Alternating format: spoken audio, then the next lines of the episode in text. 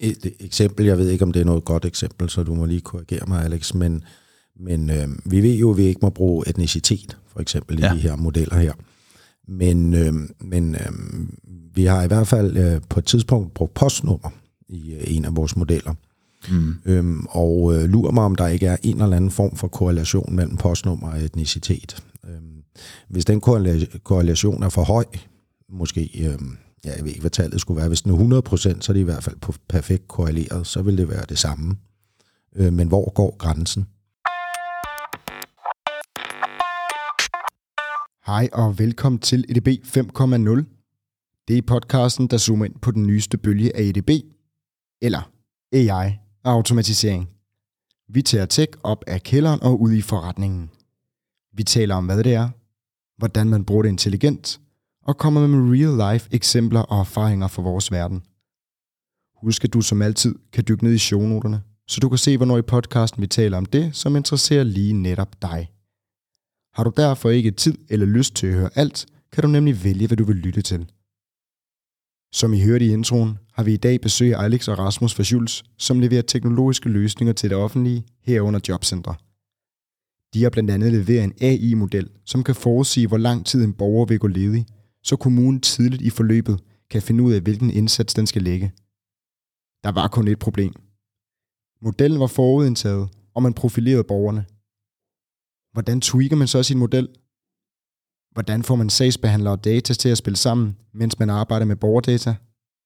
Hvordan leverer man gode løsninger til det offentlige, som ikke er forudindtaget? Det og meget andet taler vi om i denne episode af EDB 5.0. Velkommen til.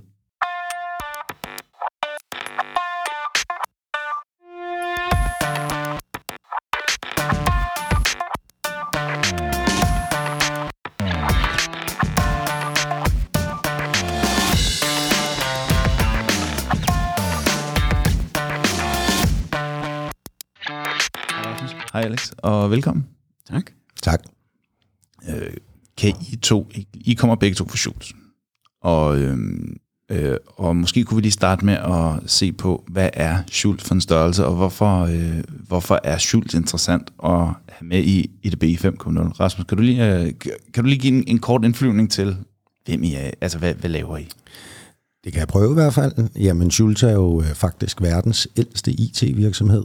Øhm, blev stiftet i 1661 med datidens øh, informationsteknologi, så at sige. Det var trykkeri og forlag. Øhm, det har så øh, op gennem tiden øh, specialiseret sig særligt inden for, øh, for love og regler. Ikke blot at trykke dem, men også at fortolke dem, øh, så man har leveret indhold omkring øh, de her emner. Og øh, så i 2012, der øh, besluttede øh, bestyrelsen, øh, det skal sige, Schulz er en fondsejet virksomhed, øh, ejet af en almindelig fond, mm. øh, og øh, bestyrelsen besluttede så, at nu skulle Schulz også være en IT-virksomhed. Så øh, alt, hvad der er stablet på benet, øh, benene siden øh, 2012, det er, øh, ja, det er så sket selvfølgelig inden for de her knap øh, 10 år. Øh, og øh, det betyder, at ud af cirka 200 medarbejdere, så er lidt over halvdelen faktisk nu øh, det, der hører til IT. Og da jeg startede for knap fem år siden, der var vi 22. Så, øh, så der har været fart på.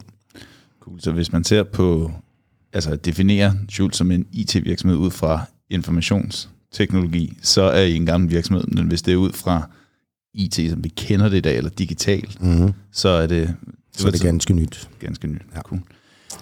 Jamen, øh, Alex, kan du måske så lige give os en indflydelse til, hvem er du, og hvad laver du så i Schultz?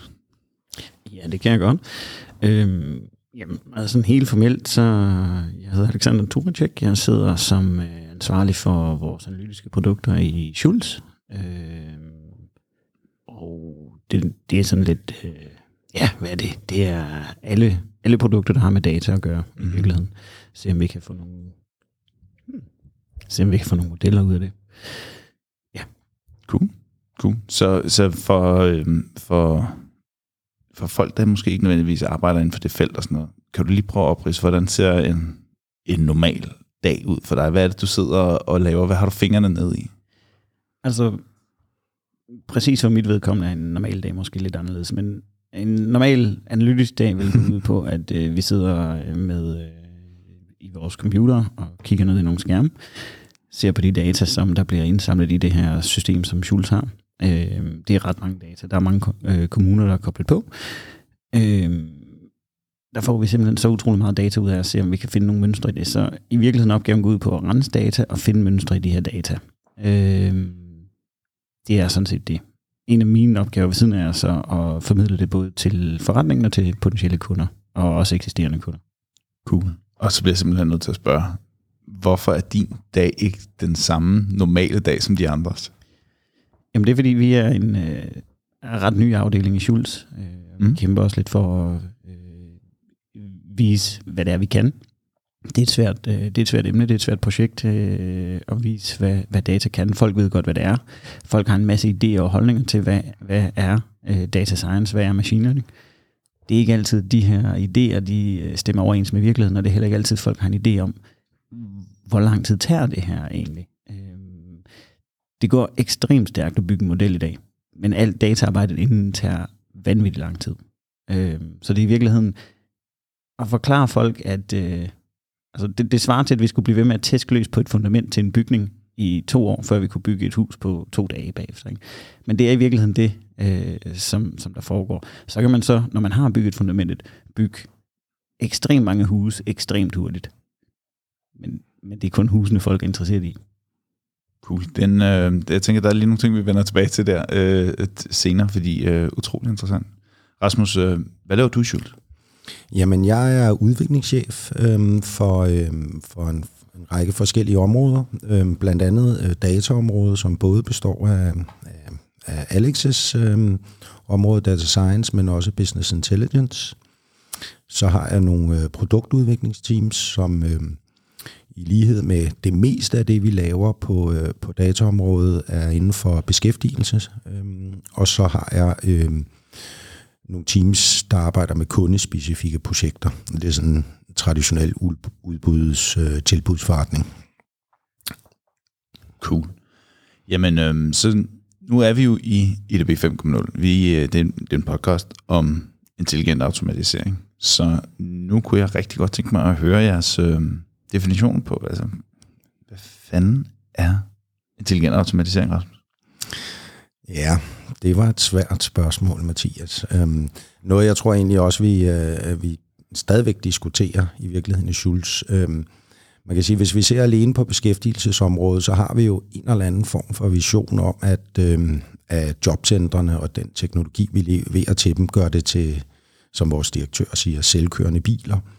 Øhm, og det skal forstås på den måde, i hvert fald inde i mit hoved, at alt det, vi kan gøre for at øhm, frigøre tid øhm, i kommunen til rent faktisk at snakke og hjælpe med de her borgere frem for at trykke på, øh, på knapper, lige, ligegyldige knapper i virkeligheden. Øh, det vil være intelligent automatisering i mine øjne, men ikke nødvendigvis øh, data science eller machine learning. Så det er sådan en bredere definition.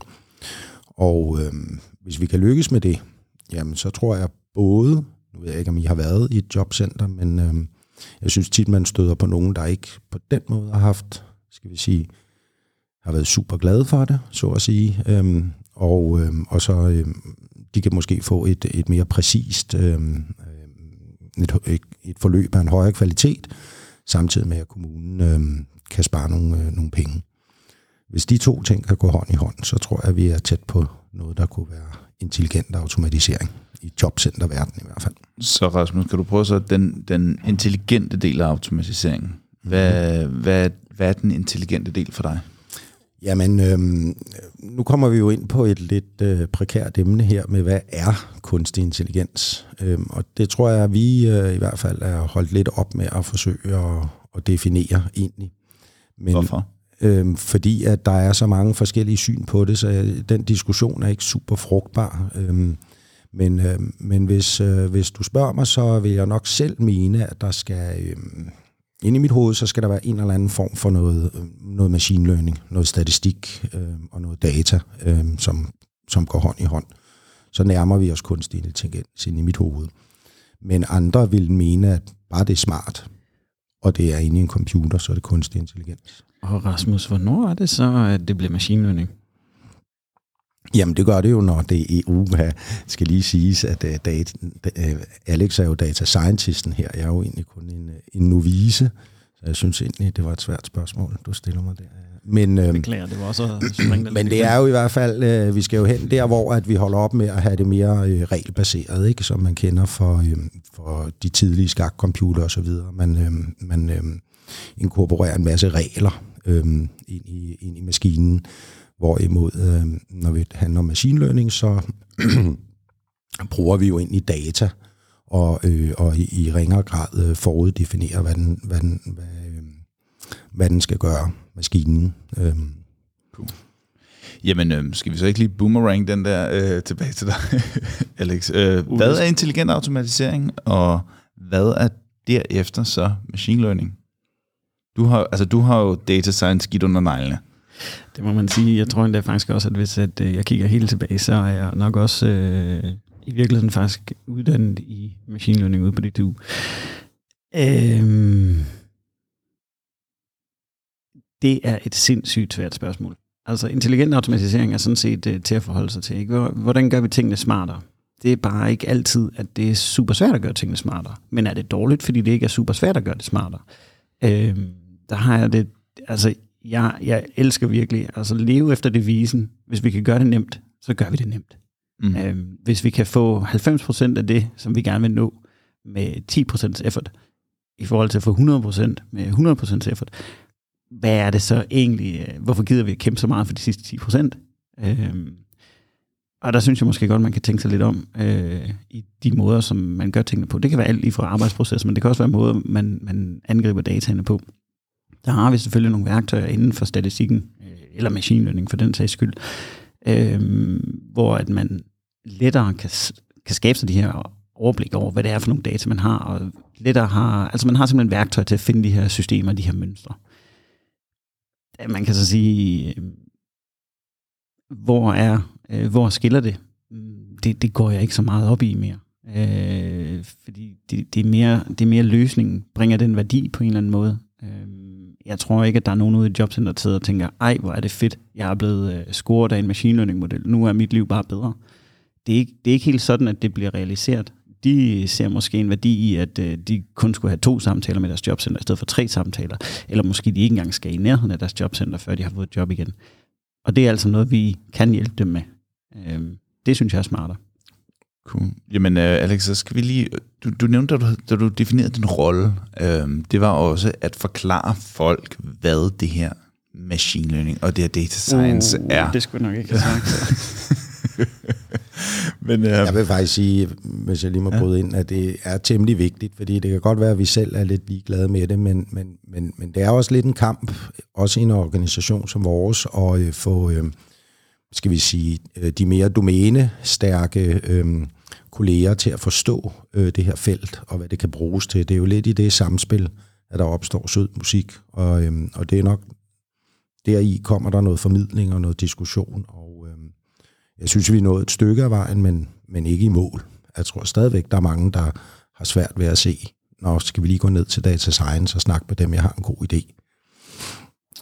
Jeg er helt enig. Øhm, I virkeligheden tror jeg også, at... Øh, altså, da jeg, da jeg studerede for mange år siden, der, der havde jeg et fag i algoritmer. Det, det synes jeg ikke er super. Det er ikke noget, der sådan... Altså sådan nogle sorteringsalgoritmer, hvad man nu alt sammen skal ned i, i der. Og der var ikke et øje, der sådan uden for det felt ligesom vidste, hvad det gik ud på. Og så går der 10 år, hvor man tænker, nå jamen, fair nok, øh, det er så, hvad jeg har læst, og jeg, jeg, jeg skrev faktisk, da jeg var færdiguddannet, når jeg søgte job, så skrev jeg faktisk, jamen altså, øh, jeg har læst statistik, fordi folk anede ikke et, altså de vidste ikke, hvad machine learning var. Det var lidt en, sådan en, okay, det kan jeg lige så godt lade være med at forklare dem. I dag skal jeg ikke sige til dem, jeg har læst statistik, i dag skal jeg sige til dem, jeg har læst machine learning, fordi øh, vi kan ikke bruge statistikken, vi kan bruge machine learning til noget, ikke? Og, og, og det er sådan lidt en, det er jo det samme. Er det det? Ja, jeg synes i virkeligheden måske, machine learning er sådan lidt, hvor man har taget det, det rigide fra statistikken, det vi ved virker, og så har man taget og smidt det væk. Uh, de, de er så gode. okay, for lige at forklare det. nej, men de er så gode, de modeller i dag, som man bruger, eller de er så, så, så godt implementeret, at du kan slippe afsted med rigtig meget. Du skal stort set ud i tilfælde, hvor du øh, dividerer med 0, øh, for at de bryder sammen. Ellers så får du et resultat, men det er ikke det samme som, at det er et meningsfuldt resultat. men de leverede et resultat. Kan du lige komme med et, sådan et real-life eksempel på, hvordan, altså hvad kunne det være? Det altså, kunne lige jeg jo sådan set godt. Dem. Ja, endelig. Øh, jamen altså, vi har selv lidt haft problemer med det i Schultz, at vi har haft øh, data, som, som øh, beskriver det samme, og det vil sige, når man gør det, så har man en udfordring med, at øh, lad os sige, du har to øh, variable kolonner, øh, hvad man nu skal kalde det, to forskellige værdier. Det kunne være øh, højde i centimeter, og det kunne være højde i meter. De beskriver i virkeligheden det samme om en Mm. person, men de er måske på forskellige enheder. Eksemplet kunne være sværere, ikke? Men, men for at holde det simpelt, Ja. så har vi beskrevet personens højde to gange i modellen. Hvis jeg nu siger, at øh, når, jeg ved, at øh, den ene højde, den har jeg totalt styr på, så kan jeg jo bare modarbejde den ene højde med den anden højde.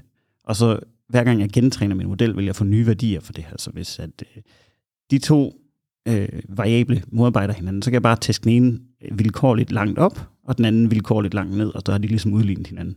De vil stadigvæk være super signifikante i modellen, fordi de er så voldsomme i deres indvirkning på den, Mm. men de har negativ foretegn i forhold til hinanden. Øh, og det ser man tit. Og det, det fungerer jo. Du får et resultat ud, men de er jo ikke, de er jo ikke vigtige, de her. Og det er så her, hvor at... Og kan du, nej, så må jeg hellere stille... Øh, lad mig stille et spørgsmål sådan her.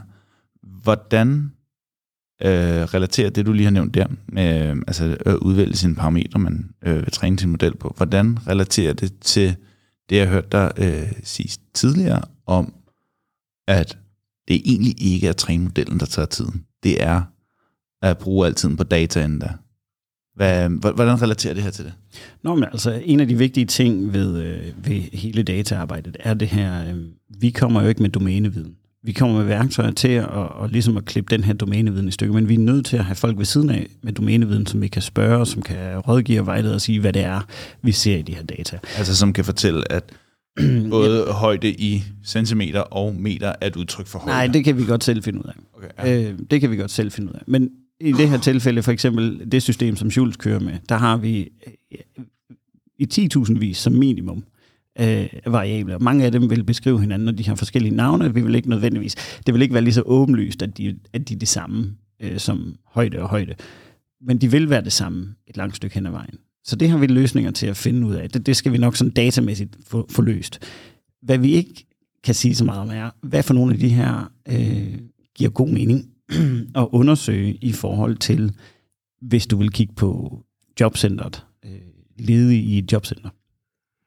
En, øh, en anden betragtning i denne henseende kan vel også være, at i og med, at netop de her algoritmer er blevet så tilgængelige og nemme at bruge, så er der også flere, der bruger dem. Og det er jo lidt på godt og ondt. Øhm, der er, øh, jamen jeg kunne jo sådan set øh, sætte mig ned og, og lave noget data science i skyen eller et eller andet, og måske få et resultat, men, men jeg føler mig i mere trygge hænder, når, når jeg har øh, når jeg har sådan nogen som Alex øh, ombord. Øh, simpelthen fordi, at øh, det kan være meget, meget nemt at glemme noget, det kan være meget nemt at komme til et eller andet facit, men, øh, men er det det rigtige facit? Og hvis man ikke har brugt den her statistik til at forstå data undervejs, øh, jamen så har man muligvis kun gjort halvdelen af arbejdet, i hvert fald når man taler om, øh, om øh, data på, øh, på borgere. Øh, så er der simpelthen ikke nogen shortcuts, og øh, jeg synes, man nogle gange støder lidt på i branchen, at der er nogen, vi kalder dem lidt korbøjterne, der lover guld og grønne skove, og de kan lave det hele på den halve tid. Øhm, og nogle af dem er måske mere traditionelle IT-folk, der, er, der har fået adgang til de her algoritmer og, øhm, og kan se, øhm, hvad de kan bruge dem til. Men de mangler måske øh, den lidt mere grundlæggende forståelse og de grundlæggende værktøjer til at, til at forstå data. Interessant. Der er i hvert fald, man kan sige, der, det, det er blevet ret nemt. Hvis jeg skal referere tilbage til mit studie, så skulle vi implementere alle de her modeller selv i sin tid. Det giver selvfølgelig en vis forståelse for, hvordan tingene hænger sammen. Øh, Og det giver også en, en, øh, en, en forståelse af, hvad er det, vi kan pille ved, hvad er det, det gør, hvis vi, hvis vi piller ved den her stump, eller hvis vi piller ved den her komponent. Det giver også selvfølgelig mulighed for at sige, okay, vi har ikke en model, der dækker det her område, men kan vi bygge en selv? Det kan vi muligvis godt, hvis, hvis tingene er, som de skal være. Men i dag skal du ikke implementere de her ting selv. Du kan godt, men hvem gør det, når det findes i en pakke, du kan downloade, som er øh, let tilgængelig, og som, som communityet ligesom har sat sammen. Den skal nok virke rigtigt nok, det er slet ikke det. Men pakkerne er bare så øh, robuste, at de kan godt tage, altså crap in, crap out. Og det er svært at, at vurdere. Jamen, øhm, så synes jeg næsten, det mest oplagte opfølgende spørgsmål, altså, hvad er den checkliste, der gør, at I ikke er cowboyder, øhm, men at I rent faktisk øh, kan komme ud med nogle valide data, som man, som jeg også øh, hørte dig sige, Rasmus, øh, altså også er forsvarligt, når man bruger i det offentlige Danmark øh, og over for borgere.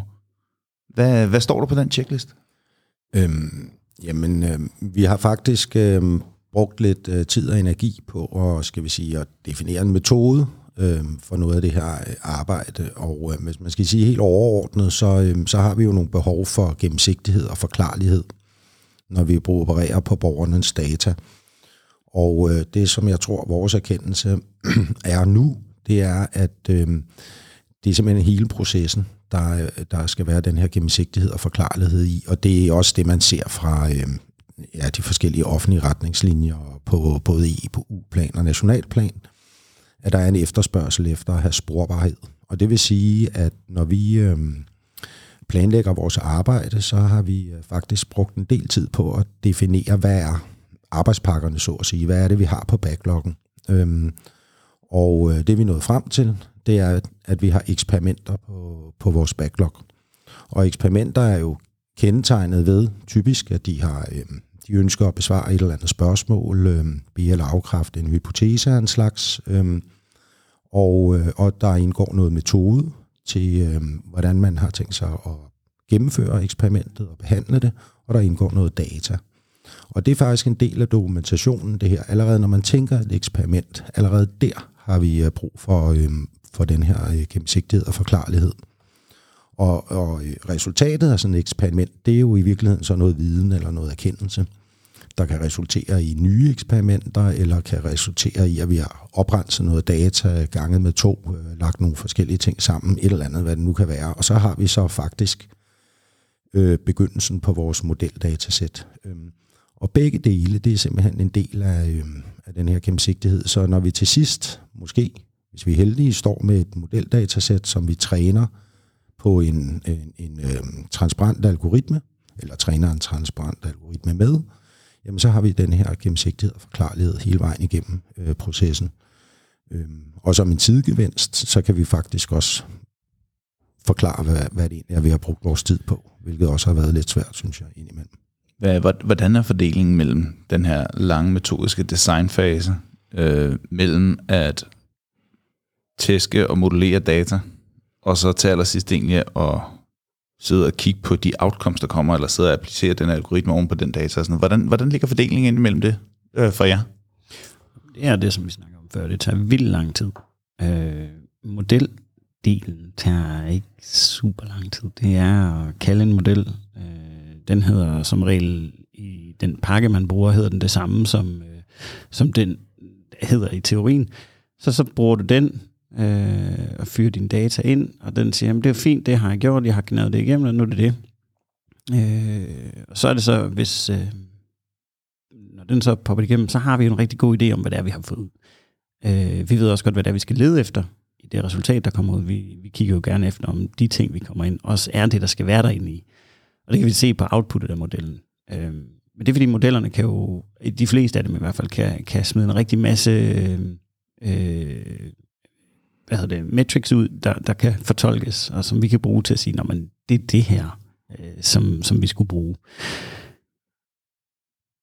Det tager ikke så super lang tid. Det tager selvfølgelig noget tid øh, at dobbelttjekke den her model. Og når du så har den her model, så kan du se, jamen, har jeg egentlig ramt det? Det, som modellen jo i virkeligheden gør, er, at den modellerer den varians, du har i dit datasæt.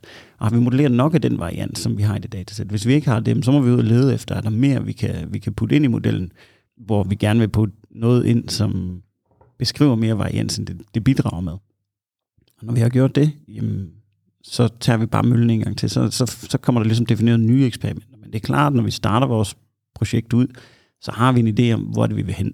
Hvad er det? Altså, når man ved, hvad det er for noget data, man arbejder med, og særligt når man ved, hvad det er for et output, man gerne vil have, så har man Mm. også en god idé om, hvad det er for en slags modeller, man befinder sig indenfor. Og det er det samme med, nu befinder vi os så inden for, for offentlig, men hvis vi befinder os inden for noget andet, så var der måske mere åbent op. I og med, at vi befinder os inden for noget, hvor man ligesom skal øh, opføre sig ordentligt, hvis man kan sige det sådan, mm. og kunne stå til ansvar for det, man har gjort, så er der nogle begrænsninger på øh, forklarligheden af de her modeller. Hvor lang tid tager sådan et eksperiment fra øh, da I starter, og I får ideen til det her, det skal vi kigge på til modelleret data, til I så bruger den en lille smule tid på at applicere algoritmen, og så tweak den, øh, baseret på det ekstra data, der kommer ud. Hvor lang tid tager sådan en proces? Altså, vi havde faktisk en model, som vi skulle øh, flytte fra et sted til et andet. Vi, ja. den, den var oprindeligt lavet sådan, så at øh, den afdeling, der havde lavet den før, havde skulle lave deres egne integrationer til eksterne datakilder. Det har vi nu en BI-afdeling, der gør, så vi kunne ligesom slippe for det. Der er ingen grund til, at vi i vores afdeling står og har, skal vi lige holde eksterne integrationer til, til andre datakilder. Det kunne være for eksempel offentlige datakilder. Det, det vil vi så ligesom gerne væk fra. Mm. Det kunne vi gøre ved at komme til, øh, til øh, bruge det datasæt, som der var i BI. Vi vidste, hvad vi skulle lede efter i det datasæt. Øh, og det var ikke særlig meget. Hvad havde vi? 50, 50 variable eller noget, som vi ledte efter. Det tog alligevel 3-4 måneder at få fundet det, og få renset det op, og få det til at passe igen. Så det tager ret lang tid. Træning af modellen tog så mindre end en måned. Så har vi så taget lidt ekstra tid om det, fordi vi så begyndte at kigge efter lidt andre ting. Men det er sådan nogenlunde det forhold, der var. Ikke? Vi tog rigtig lang tid at finde prædefineret øh, variable, så det havde vi taget endnu længere tid, hvis vi ikke havde vidst, hvad vi skulle lede efter. Cool. Så nu tager jeg lige min cowboy hat på, ikke? Øhm, og så, øh, så, og så caller jeg øh, bullshit på at sige, prøv at det, kan, det tager ikke fire måneder. Det gør det heller ikke. Det gør det heller ikke. Så øh, forklar, forklar mig, hvordan det er, at øh, mig og alle mine cowboy-venner, vi øh, går ud og kan lave tingene meget hurtigere, og vi kommer ud med valide resultater, og vi har noget, nogle... Det ved du jo netop ikke, om de er. Prøv at forklare det. Men, men, men må jeg lige sige, et, et eksperiment, som, øh, som, øh, som vi faktisk brugte noget tid på i sin tid, det øh, kunne være, hvad er en sag? Øhm, øh, og nu, øh, og det er et- faktisk kan være lidt forskelligt inden for forskellige mål, øh, målgrupper, som, som man arbejder med i de her jobcentre. Hvad er en sag? Mm. Øhm, nogle gange så, øh, så har de her øh, borgere øh, faktisk en del øh, sager, som, som, øh, ja, som egentlig er de hver især er sager, men de ligger meget tæt på hinanden. De har måske startet, så har de lige været ude i et eller andet praktikforløb, eller måske har haft et job i et par uger, og så er de tilbage igen, og det så, så er der så en ny sag. Og det er i forbindelse med, med ledighed. Og, det er i forbindelse ja, ja, ja. Med, med ledighed, og, øh, og øh, bare definere øh, inden for en af de her målgrupper, hvad er en sag? Mm. Der skal man snakke rigtig meget med, med, med, med nogle domæneeksperter, og så skal man lave noget statistik, og så skal man simpelthen lægge de her øh, øh, sager, øh, som kan være, ja, hvad, hvor mange kan der i virkeligheden være på sådan en borger? 20 måske, eller 50? Nej, nej, vi har nogen, der har flere Nå, på, er altså, og så skal man forsøge at... Nogle af dem er jo lukket og åbnet igen og sådan noget, fordi de er blevet lukket ved en fejl, men lige snart det sker i systemet, så er der jo en, nogle regler for, at der skal være sporbarhed i systemet, der er, noget, øh, der er noget journalisering og sådan noget, så man skal kunne tjekke, hvad der er sket. Så alt det her, det skaber støj. Mm-hmm. Og definere sådan en sag, det vil være et vigtigt udgangspunkt for at lave for eksempel en, øh, en risikovurdering af, en borgers, øh, øh, skal vi sige, risiko for langtidsledighed, eller hvad det nu kan være.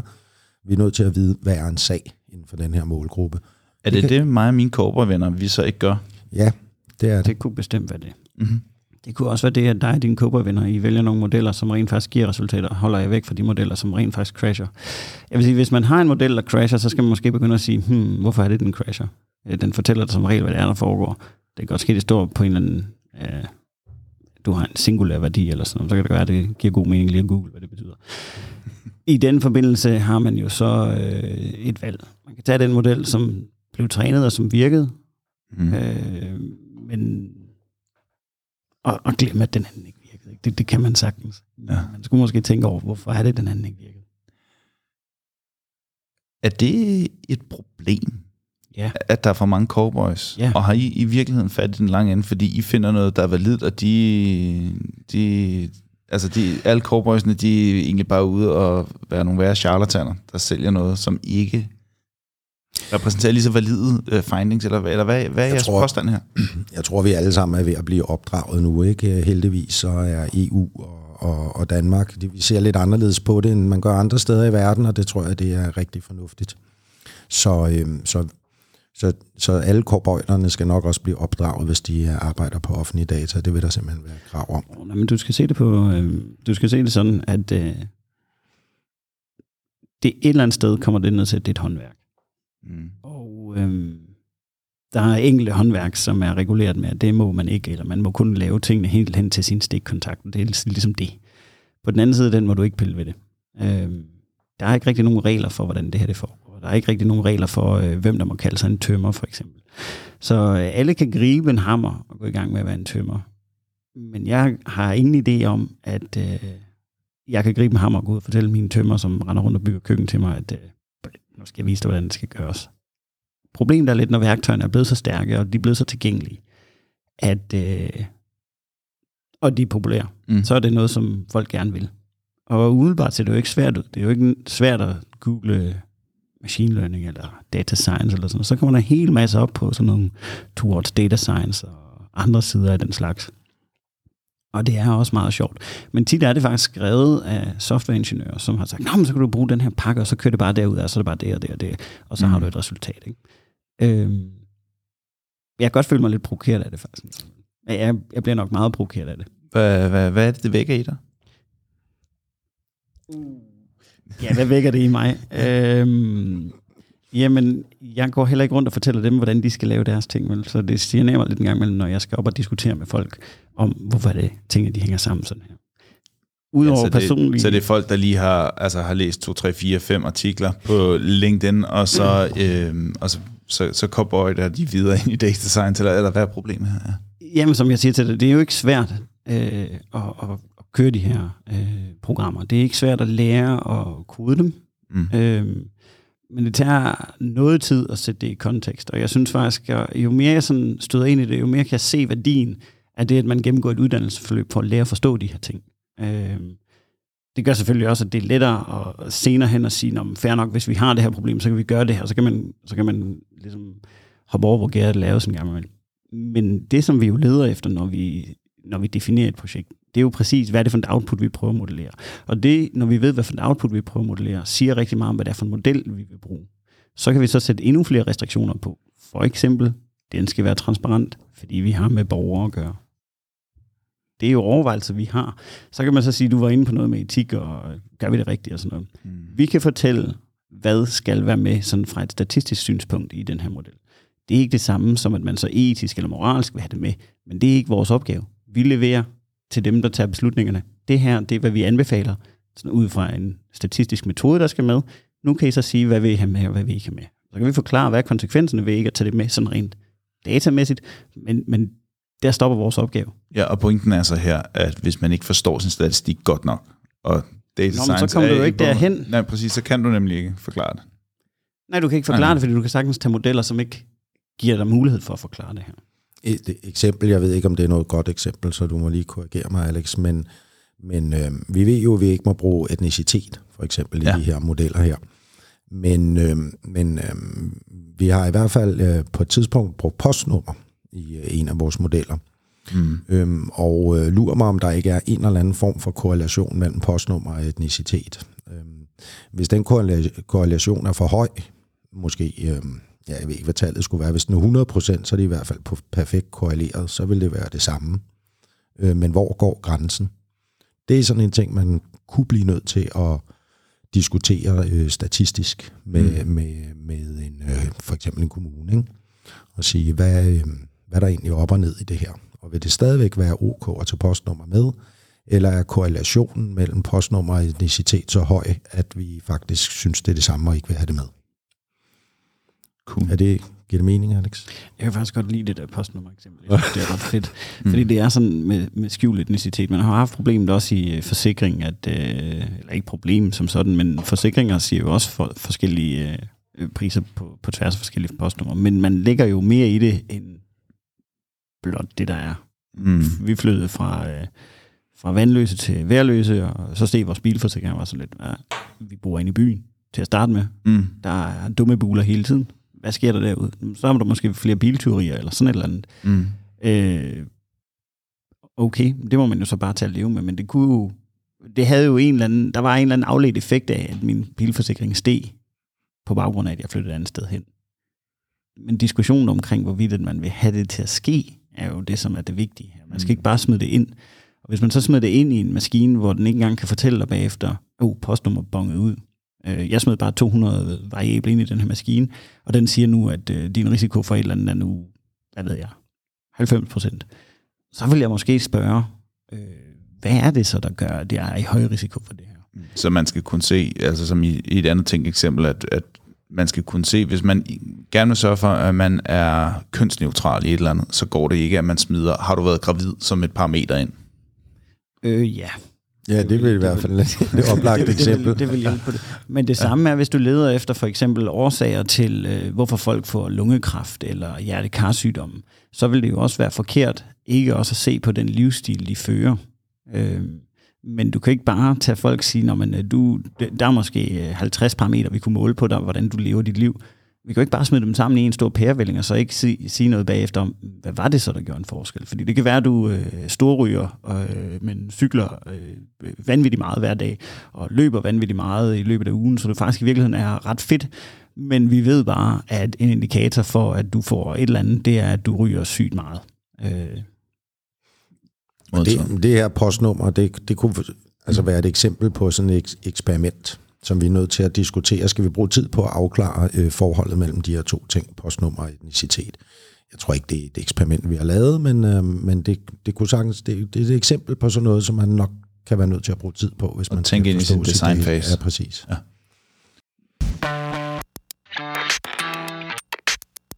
Rasmus, hvad er det for en type løsninger, som Schultz øh, laver? Hvad er det for en type services, I leverer, og hvem leverer I dem til? Jamen, vi har øh, egentlig øh, tre sådan forretningsområder inden for IT, men, øh, men det første startede egentlig der i 2012. Der, øh, det var jo der, øh, bestyrelsen besluttede, at øh, nu skal vi også være en IT-virksomhed. Øh, og derudover besluttede man, at man skulle øh, udfordre KMD på et af deres store monopolområder. Og øh, et af de øh, områder, man vidste allermest om i virksomheden, det var beskæftigelsesområdet og alle de love og regler, der er der. Og det er kvæg, at vi øh, stadigvæk har en redaktion af jurister og socialrådgivere, som, øh, som arbejder med det her love og regler og laver øh, forskellige produkter, som øh, ja, kommuner og, øh, og andre organisationer kan benytte sig af. Så, øh, så man gik i gang med at bygge det, der i dag hedder Facit, en, øh, en stor jobcenterløsning, en sagsbehandlingsløsning, om, om du vil, Mm-hmm. øhm, som, øh, som øh, nu anvendes i knap 70 procent, tror jeg det er, af landets kommuner. Øhm, og det har så taget fart, det område, så, øh, så ud over den her, det her centrale element, Facit, så er der en masse forskellige produkter øh, udenom det, øh, målrettet på, øh, til beskæftigelsesområdet. Øh, vi laver bookingløsninger, vi laver apps, øh, som vi kan bruge til at kommunikere mellem borgere og sagsbehandlere. Øh, ja, simpelthen en masse forskellige ting og sager. Mm. Øh, det andet store forretningsområde, som vi har i dag, det er øh, inden for det her, øh, du kan kalde det legal tech, eller øh, juridisk øh, øh, IT. Øh, og øh, der er selvfølgelig det her indhold, som vores øh, jurister og så videre, vores redaktion laver, men, men de laves og sælges på nogle platforme, som vi så også selv bygger, øhm, øh, og som man så kan købe abonnement til. Øhm, og, øhm, og de sælges i øvrigt også i, i, i, øhm, i udlandet, øh, blandt andet i Norge og Sverige, hvor der er nogle virksomheder, som minder om Schulz, bare før vi også blev til en IT-virksomhed, som så også bruger de her platforme. Og det sidste forretningsområde, det er så øh, det, vi kalder kundespecifikke projekter, som er sådan en traditionel øh, udbud, tilbudsforretning for øh, primært offentlige kunder. Kan I prøve at forklare mig? Vi har jo som, som, som optakt til i dag, der har vi siddet og kigget på rejsen for at udvikle en brugbar, en etisk og en gennemsigtig AI øh, til det offentlige. I har allerede nævnt, at I har de offentlige kunder. I leverer systemer til 70 procent af, i hvert fald i forhold til ledighedsområdet, øh, til 70 procent af Danmarks kommuner. Og jeg har i den her forbindelse også øh, nogle algoritmer eller noget AI øh, inden og som en del af det her. Det var noget, der startede tilbage i 2017. Kan I lige prøve at forklare mig øh, fra det øjeblik, I begynder at introducere en intelligent løsning ind i jeres, øh, ind i jeres løsning til de her jobcentre, hvad er det, den gør, og, øh, og, og hvad har jeres rejse været der til?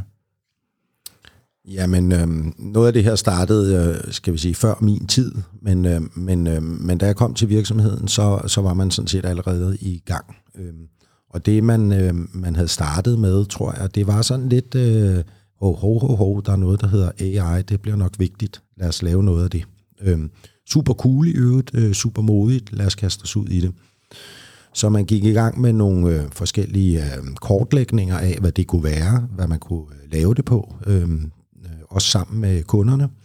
Og det resulterede så i, øh, skal vi sige, en række forskellige øh, idéer og forslag, øh, hvoraf i mine øjne i hvert fald en del af dem nok ikke var det, man kunne øh, kalde kunstig intelligens, men øh, det er nu ligge. Øh, inkluderede blandt andet også apps, øh, som er, og som vi har lavet, som er super smarte. Det inkluderede business intelligence, men det inkluderede også, at vi skal lave noget, noget AI. Øhm, øh, og øh, så det gik man så i gang med.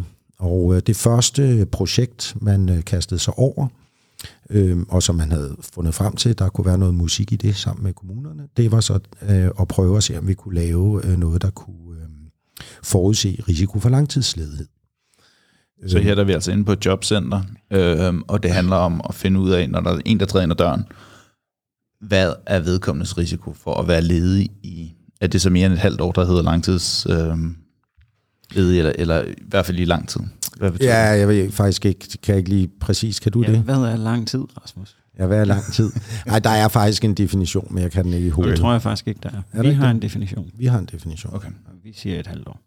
Okay, modtaget. Men, øhm, men hvorom alting er, så, øh, så øh, kaster man sig ud i det her, og øh, ja, man bruger nok det bedste af to år, måske lidt mere i virkeligheden, på at, øh, på at arbejde med de her data, prøve en masse ting af, øh, Øh, og øh, en masse dialog med internt i virksomheden med de forskellige øh, domænestærke øh, hvad hedder det, kolleger, det er blandt andet i redaktionen. Mm-hmm. Og, øh, og man træffer nogle valg om, hvad for nogle algoritmer man skal bruge. Det er jo en, øh, skal vi sige, en klassisk øh, klassifikationsproblematik, vi er ude i her. Mm. Og, øh, nej, nej, det er en risikoscoring. Det er noget andet. Okay, okay, okay. Sådan.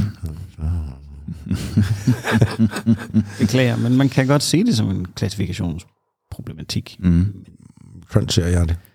Men det er jo Men ikke... det er ikke rigtigt. Hvad, kan du lige, øh, hvis du lige forklarer Nå, det til, men som om, altså, vi, hvis jeg giver dig 10 sekunder, og du skal forklare det til, som om, at vi er en femårig, hvad er forskellen?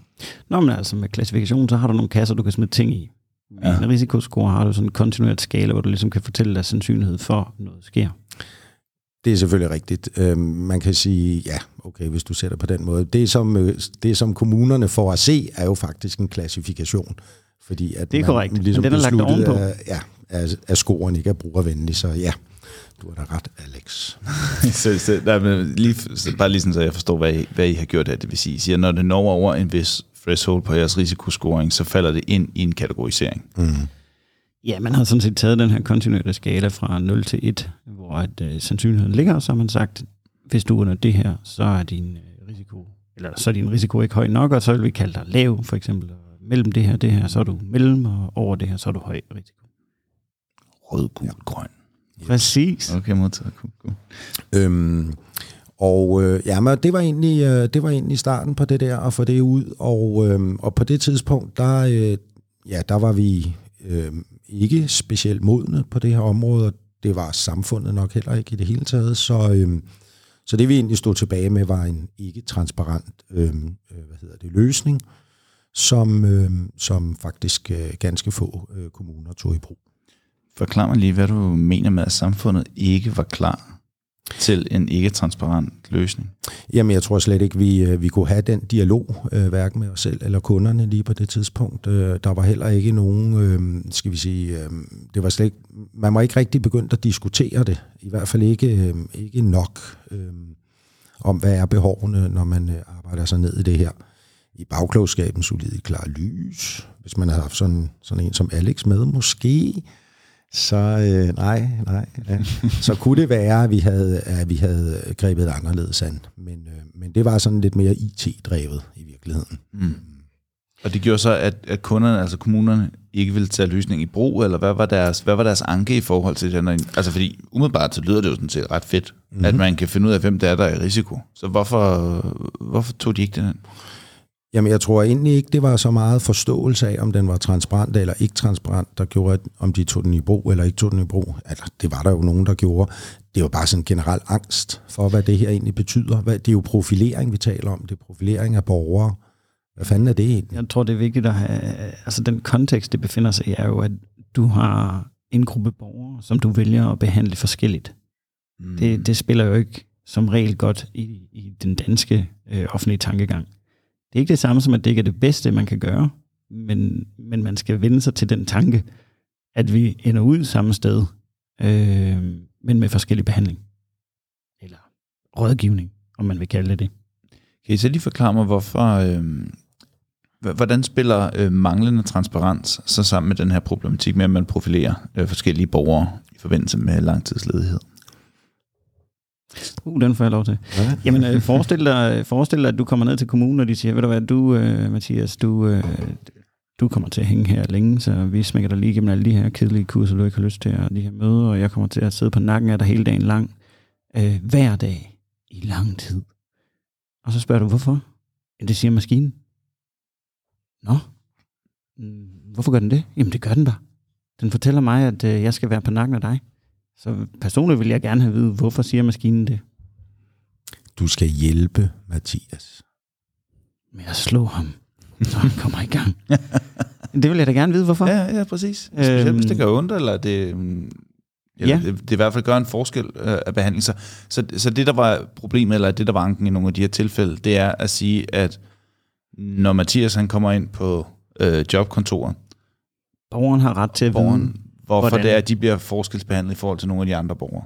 Nej, ja, altså borgeren har ret til at vide, hvad borgeren er blevet udsat for øh, med de data, som kommunen har til rådighed. Øh, og øh, så skal kommunen selvfølgelig tage stilling til, om den synes, at det er en okay måde at bruge dataene på. Og sådan noget. Øh, de, de, borgeren kan jo ikke sige nej tak til, at kommunen har adgang til de her data. Men øh, borgeren har jo mulighed for at få agtindsigt og gøre klage og alt sådan noget. Derfor skal de her modeller og de her metoder jo kunne ligesom stå imod et, øh, et vist pres, som, som kommer fra systemet, der siger, er det okay, eller er det ikke okay? Og du vil klart få flere, der er en hel masse vil være ligeglade, det er klart.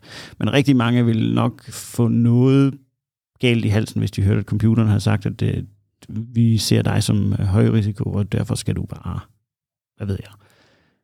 Hvordan øh, udspillede det så? Hvordan, øh, hvilke problemer gav det jer øh, sådan generelt? Udover selvfølgelig, der, at det ikke var alle kommuner, der så hoppede på den. Øh, mødte så nogle udfordringer i den her forbindelse? Jeg tror egentlig, at vi selv nåede til den erkendelse, at det er vi nødt til at gøre noget ved, hvis vi skal kunne øh, markedsføre det her øh, på nogen som helst hensigtsmæssig måde.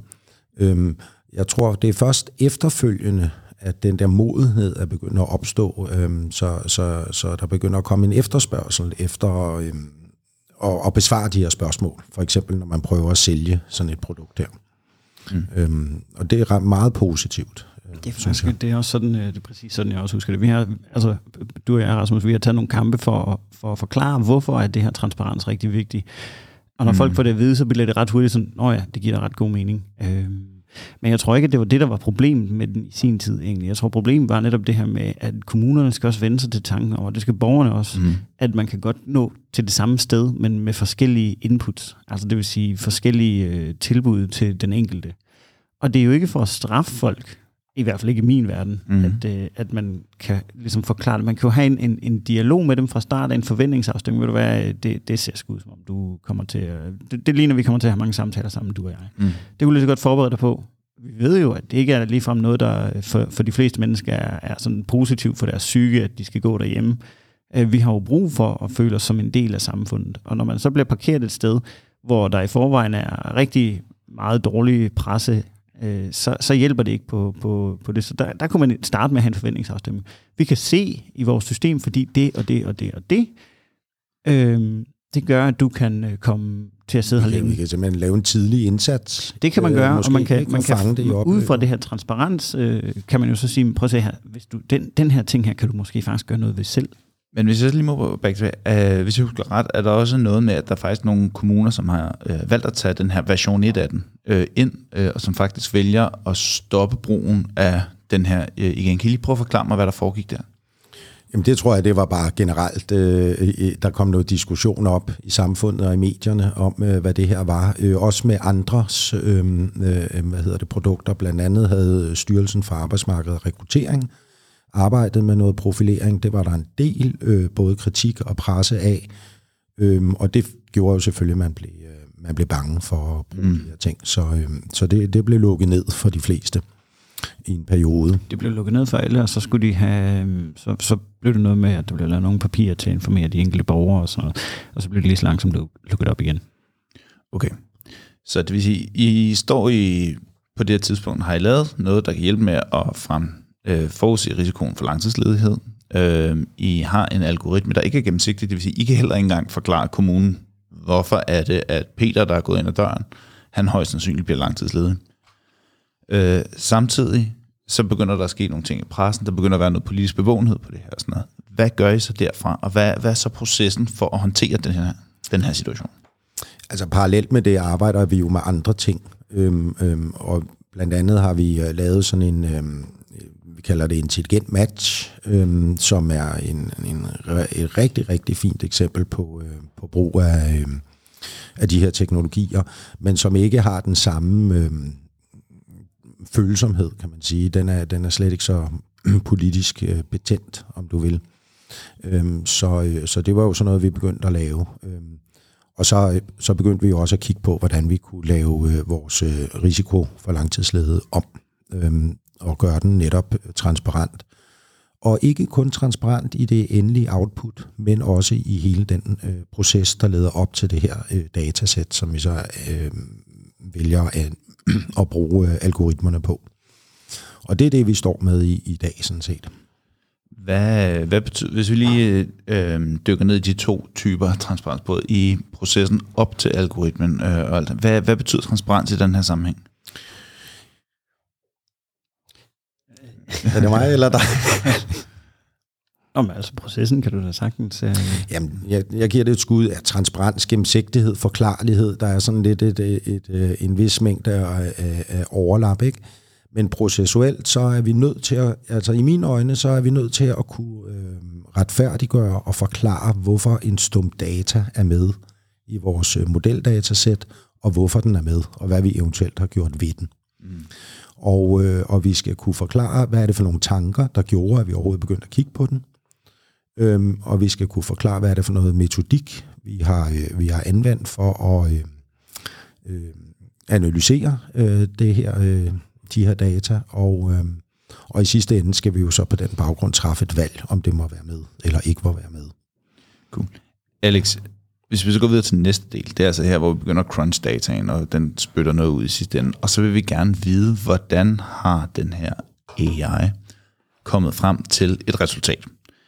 Generelt hører man jo rigtig ofte, at øh, når man taler om nogle typer modeller, at så er det simpelthen fuldstændig black box, og det spytter noget ud, og man må bare forholde sig til resultatet. Hvordan har I formået at lave en gennemsigtighed, øh, og, og hvordan tilgik I det rent teknisk? Ja, nu kan jeg ikke huske, om du sagde generelt i forbindelse med med black box, men der, er jo, der findes jo både black box og øh, white box, White box, og til ja. dels også grey box, afhængig af, hvordan man definerer det. Ja. Øh, hvis man har brugt tilstrækkelig lang tid, øh, kaldt uddannelse, eller hvad det nu er, så har Mm. du en idé om, hvad der er black box, og hvad der er white box. Og du har en idé om, hvorfor det bliver black box, og hvorfor det bliver white box. Mhm. Der findes jo et utal af statistiske metoder, som også øh, bruges i ting, som kaldes machine learning. Øh, selvom det kan forklares. Det, det kan være lidt øh, kontraintuitivt her. Men, men, men og det er jo i virkeligheden det, som vi har øh, taget udgangspunkt i. Vi vidste, igen, vi vidste, hvad det var for et output, vi skulle modellere. Mm. Øh, når vi ved, hvad, hvad det er for et output, vi skal modellere, så begynder det at give sig selv, hvad det er, vi kan gøre, og hvor det er, vi skal kigge hen. Så udover det, så ved vi så, at det skal ikke være black box, så vi kigger i alt, hvad der er ikke black box. Så vi befinder os sådan lidt i sådan noget supervised learning, øh, hvor at vi har en idé om, hvad det er, øh, vi leder efter, og vi siger så også, at det skal være transparent. Og så befinder vi os ret hurtigt øh, i noget, som ja, for eksempel regressionsmodeller kan bruges i den her forbindelse. Fordi der har vi hele vejen igennem, kan vi se, hvad der sker med de data, der kommer ind. Vi kan se, hvordan de enkelte data de vægter, det vil sige, at vi kan forklare borgeren, du kom ind med de her værdier, den her øh, værdi vægter så meget i den score, som du kommer med, eller som du får af systemet. Det giver både borgeren en indsigt i, hvad er det, øh, jeg er blevet vurderet på, hvordan er jeg blevet vurderet, og har det altså vægtet positivt eller negativt. Det kan jo godt vægte positivt, de her ting. Der, der er jo, når der kommer 50 variable ind, så er der måske nogle af dem, der rent faktisk er positive for den her borger. Mm. Og det kan borgeren jo så se. Borgeren og jobcenterkonsulenten kan jo så have en konstruktiv samtale om, er der noget af det her, vi kan gøre noget ved. Øh, så når man kender statistikken, øh, så har man også mulighed for at sige, de her modeller, de kan erstattes af de her modeller. Det, det er jo en stor familie af modeller, øh, som man, der findes tit mange løsninger til det samme problem. Ikke? Når man så sidder som øh, borger og som øh, sagsbehandler ude i kommunen, hvordan får man, altså det du taler om her, det er jo noget, det, altså, det, det er noget heavy statistik, specielt for den almene dansker. Ikke? Ja, Øh, Hvordan præsenterer man det til en hvilken som helst borger og til en hvilken som helst sagsbehandler og sikrer sig, at de forstår, hvad pokker det er, den her AI har gjort, som i bund og grund er en statistisk model. Hvordan skaber man den indsigt, der bridger fra det meget tekniske, eller meget statistiske, til det almene? Det synes jeg faktisk, at vi har en flot løsning på. Cool. Så i systemet, der får man at vide, om man er lav, mellem eller høj. Øh, jeg mener faktisk også, at der er rød, gul, grøn farve på dem. Det, det må du ikke holde mig op Okay. på. Øh, samtidig med, at borgeren bliver scoret, bliver der lavet et journalnotat. Det vil sige, at man kan, borgeren kan gå ind i sin journal og se, hvad er det, jeg kom ind med? Hvad er det, de her ting, de vægter med? Og hvad er det for en model, der er blevet brugt til det? Det er klart, at det er selvfølgelig, som det nu er med journalnotater, øh, hvis det for eksempel var en lægeerklæring, er det jo heller ikke nødvendigvis, at borgeren ved, hvad den her diagnose betyder, eller hvorfor, eller hvordan. Men en fagperson vil kunne fortælle borgeren, hvad det er, det drejer sig om det her, og hvordan borgeren er blevet risikoscoret. Øhm, og det synes jeg faktisk i virkeligheden er, er, en, er en... Altså, hvis jeg blev behandlet sådan, så ville jeg faktisk være ret glad. Det er ikke sikkert, at jeg nødvendigvis selv kan, men der vil være nogen, som kunne hjælpe mig, som var uden for systemet, som ville kunne forklare mig, det er en færre måde, det her det er foregået på, eller det her simpelthen det her ikke gang på jorden. Og vi mener, det er en færre måde, og derfor synes vi, at altså, det er virkelig med stolthed, at, at vi trykker de her ting i journalen. Det skal vi også, men det er også virkelig noget, som jeg synes er en, en super fed løsning. Fedt, og jeg kan jo godt lide dit, dit udtryk om, at en for Schultz trykker det her i journalen. Nå, ja, Fedt, ja, det er øh, rigtigt. Men i øvrigt, vi havde, øh, eller det synes jeg, vi havde i hvert fald en slags aha-oplevelse for ikke så længe siden. Øh, jeg tror egentlig for første gang, hvor vi har, øh, vi, er i gang, vi arbejder med at sætte et projekt op for en kommune, øh, øh, og det, ja, det er lidt i samme afdeling, kan man sige, som, øh, som vi har snakket om her med den her risikoscore. Mm. Og, øhm, og der har været rigtig meget snak frem og tilbage, og jeg kan også mærke, at der er en vis berøringsangst i virkeligheden. Øhm, mange gange de, har de spurgt os, hvad er det for noget data, I har tænkt jer at bruge? Vi har sagt, jamen det er de her datakilder, de vil gerne have mere at vide. Det siger vi, det er jo det, det går ud på. Det er jo det, vi skal finde ud af. Ja. Og så videre, og så videre. Øhm, og i sidste ende, så, så havde vi så et møde med deres, øhm, en, en jurist, deres øh, DPO, Data Protection Officer, øhm, og øh, der redegjorde vi så for vores øh, metode, og for hvordan, den kunne, øh, hvordan de vil indgå i det samarbejde gennem den metode. Og det tror jeg egentlig er første gang, hvor vi sådan sidder og bare, hvor de bare tænker, uh, så kom skuldrene ned. Det der, det kan vi se os selv i. Det er, det er lige præcis det, der skal til for, at øh, for vi er tryg ved det her øh, og kaster os ud i det her projekt. Og det, var, det synes jeg, det var en fed oplevelse. Ja, det var super fedt at få det trykprøvet. Det er, jo, det er jo tanker, vi har gået med, og som vi har ligesom sagt, altså hvis vi skal være, hvis vi skal undgå at være ligesom alle de andre, som vi kalder cowboy, så, så, øh, så er vi jo nødt til at, at gøre os nogle tanker omkring det her. Vi er nødt til at tage en stilling til det. Hvorfor er det, at vi definerer nogen altså, som cowboys, og hvad er det for nogle øh, ting, der gør det? Og hvordan undgår vi selv at gøre de fejl? Det er klart, at det her det er et, et felt. Øh, nogle af tingene har eksisteret i mange år, og en af de ting, der ikke har eksisteret i mange år, det er mængden af data og mængden af regnekraft, vi har. Vi kan jo sætte ting i værk, som, som man ikke kunne for bare få år siden. Øhm, og det giver selvfølgelig øh, anledning til nogle tanker omkring, hvordan man bruger det her. Og det skal give anledning til de tanker. Det er det, som vi ligesom har taget som vores, vores hjørnesten her. At de her tanker, dem skal vi have. Vi skal kunne forklare os selv, hvad er det, der er foregået her. Hvis vi var nede i det system, og vi blev udsat for det her, mm. så vil vi bede om en forklaring. Det her det er altså en af de nye ting, som I begynder at kigge på, det er altså at tage de her dialoger op front og kunne altså arbejde med gennemsigtigheden, også allerede tidligt i dialogen med kunderne. Hvad er det næste, der kommer til at ske på det her? Hvordan ser roadmap ud for altså, det her omkring risiko og langtids, øh, langtidsledighed?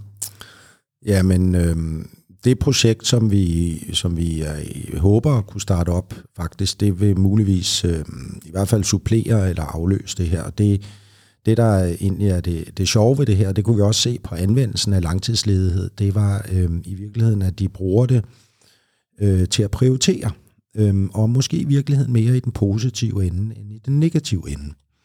Øh, og det er måske også, fordi det er der business casen ligger. Hvad mener du med positiv og negativ ende? Ja, men jeg mener, øh, ja, det, hvis nu, lad os sige, øh, den positive ende, det er så, at der er en meget, meget lav risiko for at blive langtidsledig. Ikke? Ja. Og, øh, og, øh, og øh, business casen i det nye projekt er i virkeligheden, at hvis, hvis vi ser på øh, det første halve år af en ledighedsperiode, så er der en række ting, øh, man skal. Øh, man skal tilbyde en række samtaler og nogle forskellige tilbud osv. Øhm, og det vi vil egentlig vil kigge på her, det er så, hvad er øh, sandsynligheden for, at borgeren er selvkørende?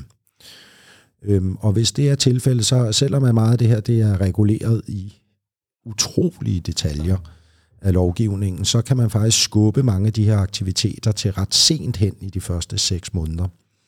Øhm, så hvis vi er heldige med det, så kan man sige, øhm, så, kan vi, så kan vi måske lade være med at forstyrre en selvkørende borger, som gerne vil bruge sin tid på at øh, søge jobs og gøre de det nu gør. Og kommunen kan måske spare en, øh, en, en del penge på en række aktiviteter. Så det vil sige, hvis de, øh, de så når frem til der, hvor at det ligesom, nu, nu skal de i gang med det der, så vil en stor del af de her selvkørende øh, ledige, de vil så allerede øh, have fundet beskæftigelse, og derfor er det irrelevant at gennemføre de her samtaler osv. Så, så det vil sige, at det I går ind og gør, det er, I, i stedet for at fokusere på, hvem er det, der er, øh, der er stor risiko for, øh, ender i den gruppe, som vi gerne vil undgå, de ender i, så kigger vi på, hvem er der en sandsyn, en chance for, ender i den anden ende af spektret. Mm. Og så begynder man at arbejde med dem, i stedet for med alle dem, som der er i risiko, så med alle dem, der er en god ja, chance eller rettere sagt, lad være med at arbejde med dem, så man, når, så man kan bruge ressourcerne på dem, der, der lå i den anden ende. Ikke? Øhm, og, så, øhm, og så formodentlig spare en del, øh, en del penge, og måske også at lade være med at forstyrre folk for meget undervejs. Det vi har været igennem nu, det har været, at øh, både noget med, at man skal sørge for, at man ikke bliver en, en, en data science cowboy. Man skal sørge for, at man har noget validitet øh, undervejs i det, man siger. Udover at man blot kan sige noget med en forholdsvis sikkerhed, så skal man også være sikker på, at det så er det rigtige, man siger. I også arbejder med gennemsigtighed og både den etiske brug af forskellige typer parametre, men egentlig også etikken i at have den her gennemsigtighed. Hvis vi lige tager altså alt det, jeg har talt om her nu, og vi lige zoomer ud og ser på det her på et dansk samfundsmæssigt niveau, specielt måske i forhold til det offentlige Danmark, hvad, hvad tænker I, det her har implikationer? Hvad kan man lære af det? Hvad, hvor har I, øh, hvad betyder det her? Jamen, øh, jeg vil da håbe, at øh, om, om nu har vi sådan en metode, som vi kan lide, men det kan da være, at der er nogen, der har noget, der minder om det, eller tilsvarende. Men, øh, men umiddelbart vil jeg da håbe, at det nedsætter bekymringsniveauet, så man begynder at bruge det her noget mere. Der er et kæmpe potentiale, øhm, og øh, øh lad være med at være så bange for det. Vi, er, vi har faktisk værktøjerne til at arbejde med det på en forsvarlig måde. Og i øvrigt bliver vi også reguleret om ikke så længe. Så, øhm, Men var så pointen ikke netop, at man skulle være bange for cowboys, og man skal være bange for manglende gennemsigtighed eller forklaring? Eller, eller jo, jo, jo, jo, det, det skal man være. Det, men man skal ikke være bange for, for teknologierne, hvis man øh, bruger dem på den rigtige måde, med den rigtige metode omkring. Øhm, og det tror jeg måske er lidt det, der har manglet i virkeligheden. Så øh, hvis øh, det her det kan bidrage til at sige, at der er faktisk en vej ud af denne her øh, meget valide øh, angst for at anvende de her teknologier, jamen så, så kom i gang. Øhm, og en anden ting er, at øhm, det kan jeg også se, at vi slås lidt med, øhm, når vi arbejder med traditionel øh, software, så, så når bølgerne går højt, så har vi måske øh, kendte, ubekendte. Vi, vi, vi ved, at der er et eller andet, vi måske skal undersøge nærmere. Vi kan vente, eller vi kan tage det på forhånd, hvis det har høj risiko. I, øh, I denne her type arbejde, der har vi faktisk ubekendte, ubekendte.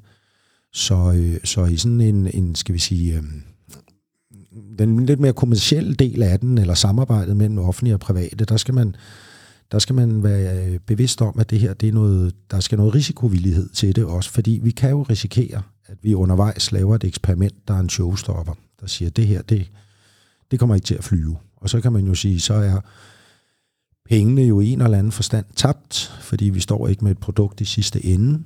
På den anden side kan man sige, at vi har faktisk opnået en hel del viden, som er dokumenteret i øh, løbet af processen, som vi måske kan bruge senere. Cool. Alex, har du nogle perspektiver på det her? Jeg tror i virkeligheden, Rasmus og jeg, vi er utrolig enige om det her felt. Man kan sige, altså præcis det her med ubekendte, ubekendte, det er jo hele humlen omkring det. Vi kan godt tænke nogle tanker om, hvad kunne bygges af fede modeller, men det er ikke altid data er, er der. Altså kvaliteten af data er der simpelthen. Det kan også være, at det tager for lang tid øh, i forhold til det budget, man har, men det kan simpelthen også være, at der simpelthen ikke findes modeller, der kan løse det her problem på en, hvad kan man sige? Forsvarlig måde. Jamen, ikke, ikke kun forsvarlig, men også sådan, så det rent faktisk giver mening. Altså, hvis, vi, hvis, vi, hvis den ikke er god nok til at forklare det, der sker i den, så er det mere random, det der kommer ud, og det vil man kunne se, øh, for eksempel i borgerscoring, eller hvad det nu er, det drejer sig om. Mm. Så øh, altså giver det jo ikke meget mening. Og det kan man ikke altid sige om de her øh, processer. Det, det er noget nemmere at sige med et stykke software, jeg vil gerne have, den kan det her og det her og det her, og så får du ligesom det ud af det. Det får du ikke nødvendigvis her. Jeg er også øh, helt på linje med Rasmus i, at det her er ting, som vi kan lave, og vi kan bruge til det bedre. Altså vi kan, vi kan gøre livet bedre for den enkelte borger med det her, og vi kan gøre det offentlige mere, øh, altså bruge det, det offentlige penge på en bedre måde. Det kan vi helt klart. Det kræver et ændring i mindset, både fra det offentlige og fra borgere. Det offentlige er jo garant for, at det behandler borgerne ordentligt, øh, og derfor tager det en tid at få de her øh, processer til at Altså bare lige en tanken om, at en computer har medindflydelse på en borger, det er heller ikke det, vi, vi, vi beder om, eller siger, der skal ske, men at man tager den med på råd. Jeg kan godt lide at se vores systemer som den kollektive hukommelse for jobcenteransatte. Der er ingen jobcenteransatte, der kan huske alle de sager, de har været igennem, og alle de sager, som alle de andre jobcenteransatte har været igennem. Men det kan vi se, hvad der er, øh, fordi det har det skrevet ned i systemet. Så vi er ikke andet end den gode ven, de kan få faglig rådgivning af. En AI-assistant. Ja, det er lidt det. Øh, det er dem, der sidder til sidst og siger, det er sådan her og sådan her, sådan her jeg vil have det. Men maskinen kan sige, vi har set de her ting tidligere, vi har prøvet de her ting tidligere, og det var det her, der virkede. I øvrigt, øh, som et sidste godt råd til offentlige myndigheder, det må jo så være, at I skal være tæt på i den her proces, og det er i hele udviklingen. Det er i diskussionen og formningen af de her eksperimenter osv. I er simpelthen nødt til at være tæt på, fordi det er, det er i den dialog, øhm, at, øhm, at vi kan beslutte, hvad vi må og ikke må, og hvad der er rigtigt og hvad der er forkert. Øhm, så, så der skal investeres noget tid i det også. Og hvis jeg hørte det ret tidligere, så skal man også gå ind og vurdere, øh, hvis man nu får, altså får en leverandør til at arbejde netop med kunstig intelligens, øh, så bør man også gå ind og vurdere deres gennemsigtighed, deres proces, men altså ikke kun gennemsigtigheden undervejs i algoritmen og dens output og hvordan den opererer, men også gennemsigtigheden og diskussionerne inden da. Ja. Sådan, så man kan navigere udenom cowboys. Ja, og der, der er, der, det kommer til at være et krav, øh, den her sporbarhed hele vejen fra, øh, fra A til Z øh, under alle omstændigheder, så man kan lige så godt vende sig til det. Man kan sige, det som vi får ud af at have alle de her cowboys rundt omkring, er jo, at den generelle befolkning bliver ved med at være nervøs omkring det her. Øh, det, det meste, vi hører lige for tiden, er de her øh, Google og Facebook, der suger alle vores information ud af vores telefoner. Folk er nok i virkeligheden øh, begyndt at blive mere og mere nervøse for det, og det har de så tænkt sig, at øh, på højde med de to, der findes altid den onde stat. Øh, jeg er ikke enig i den betragtning, men det er jo tit det, der ligger til grund for, at folk er nervøse for, hvorfor er det, at øh, de skal holde øje med de her ting for mig. Det kan jo bruges til det bedre, men der er også øh, desværre masser af eksempler øh, fra udlandet, hvor det kan bruges til noget, der er meget, meget værre. Øhm, og, og det er derfor, vi er nødt til at have den her øh, transparens, og vi er nødt til at få de her cowboys ud af det, fordi at de rent faktisk Øh, går ind og, og piller ved noget strukturelt i det her. De piller ved den tiltro, folk har til de her ting. Og de oversælger det også som sådan, ah, men det her, det kan vi sagtens klare. Øh, og så går de ud bagefter og finder ud af, hvordan øh, prøver de at få det her til at hænge sammen. Og det, det er ikke altid den, den, den, at det sådan er helt oplagt, hvordan tingene vil løses, men de er heller ikke så de første, i min erfaring, til at sige, det her, det, det, det burde vi måske holde os fra. Cool. Hvis vi øh, her på faldrebet skal gennemgå øh, tre ting, som vil være det, man skal tage med herfra, hvis man nu sidder derude. Øh, lad os nu, nu har vi talt meget om det offentlige. Hvis man sidder derude som en i det offentlige, man har utrolig meget fed data. Øh, man vil rigtig gerne kunne finde nogle mønstre i det. Man vil gerne have en eller anden assistent, eller hvad vi nu ender med at få hjælp, eller en kollektiv ukommelse på tværs af kommuner, hvad det nu måtte være. Hvad, hvad, hvad skal man tage med herfra fra jer? Hvad er, det, hvad er det for nogle tre learnings, man skal øh, hive med? Det kan gøres på en rigtig måde. Altså det kan gøres, Mm. så at man ikke behøver at være nervøs for det. Mm-hmm. Ja, og så skal man øh, være, have mod på at kaste sig ud i de her ting, uden at øh, man har nogen som helst garanti for, at det bliver til noget. Altså sådan er det bare. Øhm, det kan være... Du kan ikke, øh, jeg vil ikke byde på en fastpriskontrakt, hvor der er nogen, der siger, vi skal have det her bagefter, fordi jeg, det risikoprofilen, jeg vil skulle gange med 1000, eller et eller andet, det jeg, skal, det jeg skal byde på opgaven, fordi jeg simpelthen ikke kan være sikker på, at jeg kommer i mål. Så det var også lige til, øhm, til dem, der sidder i indkøbsafdelingerne, at øh, hvis I gerne vil købe det her, så tænk det, tænk, lyt lige det her afsnit igennem, og så tænk det ind i, øh, i, i jeres prissætning, eller den måde, som I udbyder det på. Ja, i den måde, I udbyder det på, ikke? Øhm, og så involverer jeg rigtig, rigtig meget. Det, det vil jeg sige, det, det er der ikke nogen vej udenom. Så det var nummer tre, det var involvering. Tog du simpelthen nummer tre der, Rasmus? Eller, eller havde, havde, Havde du en har vi en hemmelig fire? Ja, men jeg ved ikke, og jeg ved ikke, om den hænger lidt for meget sammen med den, der var der til at starte med. Øhm, men jeg tror også, at man er nødt til som, som, den, som enkeltborger, enkeltperson, at acceptere, at det her det er noget, der er kommet for at blive. Øh, vi accepterer det i forbindelse med vores telefoner. Øh, jeg tror også, at vi er nødt til at acceptere, at det sker i forbindelse med, med det offentlige arbejde. Og så binder det tilbage til det første. Det kan gøres ordentligt. Det kan gøres, så vi alle sammen får mere ud af det. Det behøver ikke at være til det værre. Det kan godt gøres til det bedre. Men det skal, det skal reguleres, og det skal styres med stramme tøjler. så bør man måske som borger gå ind og finde ud af, altså, hvad er det, der gør, at det kan gøres ordentligt? Sådan, så man måske som borgerpligt egentlig også ligesom lige måske læser en lille smule op på det, sådan, så man ikke bliver så bange for det. Har man det ansvar for det? Nej, det synes jeg ikke. Okay. Øh, Det er, øh, Er det det offentlige ansvar at formidle det på den rigtige måde, eller hvad? ja, du skal heller ikke som borger kunne vide særlig meget om, hvad, hvad du... Altså, du skal ikke kunne kontrollere din læge, for eksempel, om han arbejder ordentligt. Der har du nogle, øh, nogle institutioner, der kan hjælpe dig med, Mm. hvis der er gået noget galt der. Det, det kan man ikke forvente, at den borger skal kunne forstå. Modtaget. Er der øh, noget, som jeg ikke har spurgt jer om endnu? Noget, jeg burde have fået med i det her?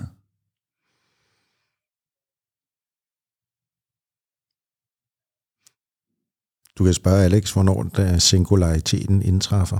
Hvornår indtræffer singulariteten? Og her der taler vi altså øh, stoppet af Event Horizon, og hvor Generelt Det, det, AI. altså, AI det, er tager jo, det er jo det, vi hemmeligt arbejder på, øh, mig og så min kollega, at lave den her øh, Arnold, kalder vi den, som overtager verden.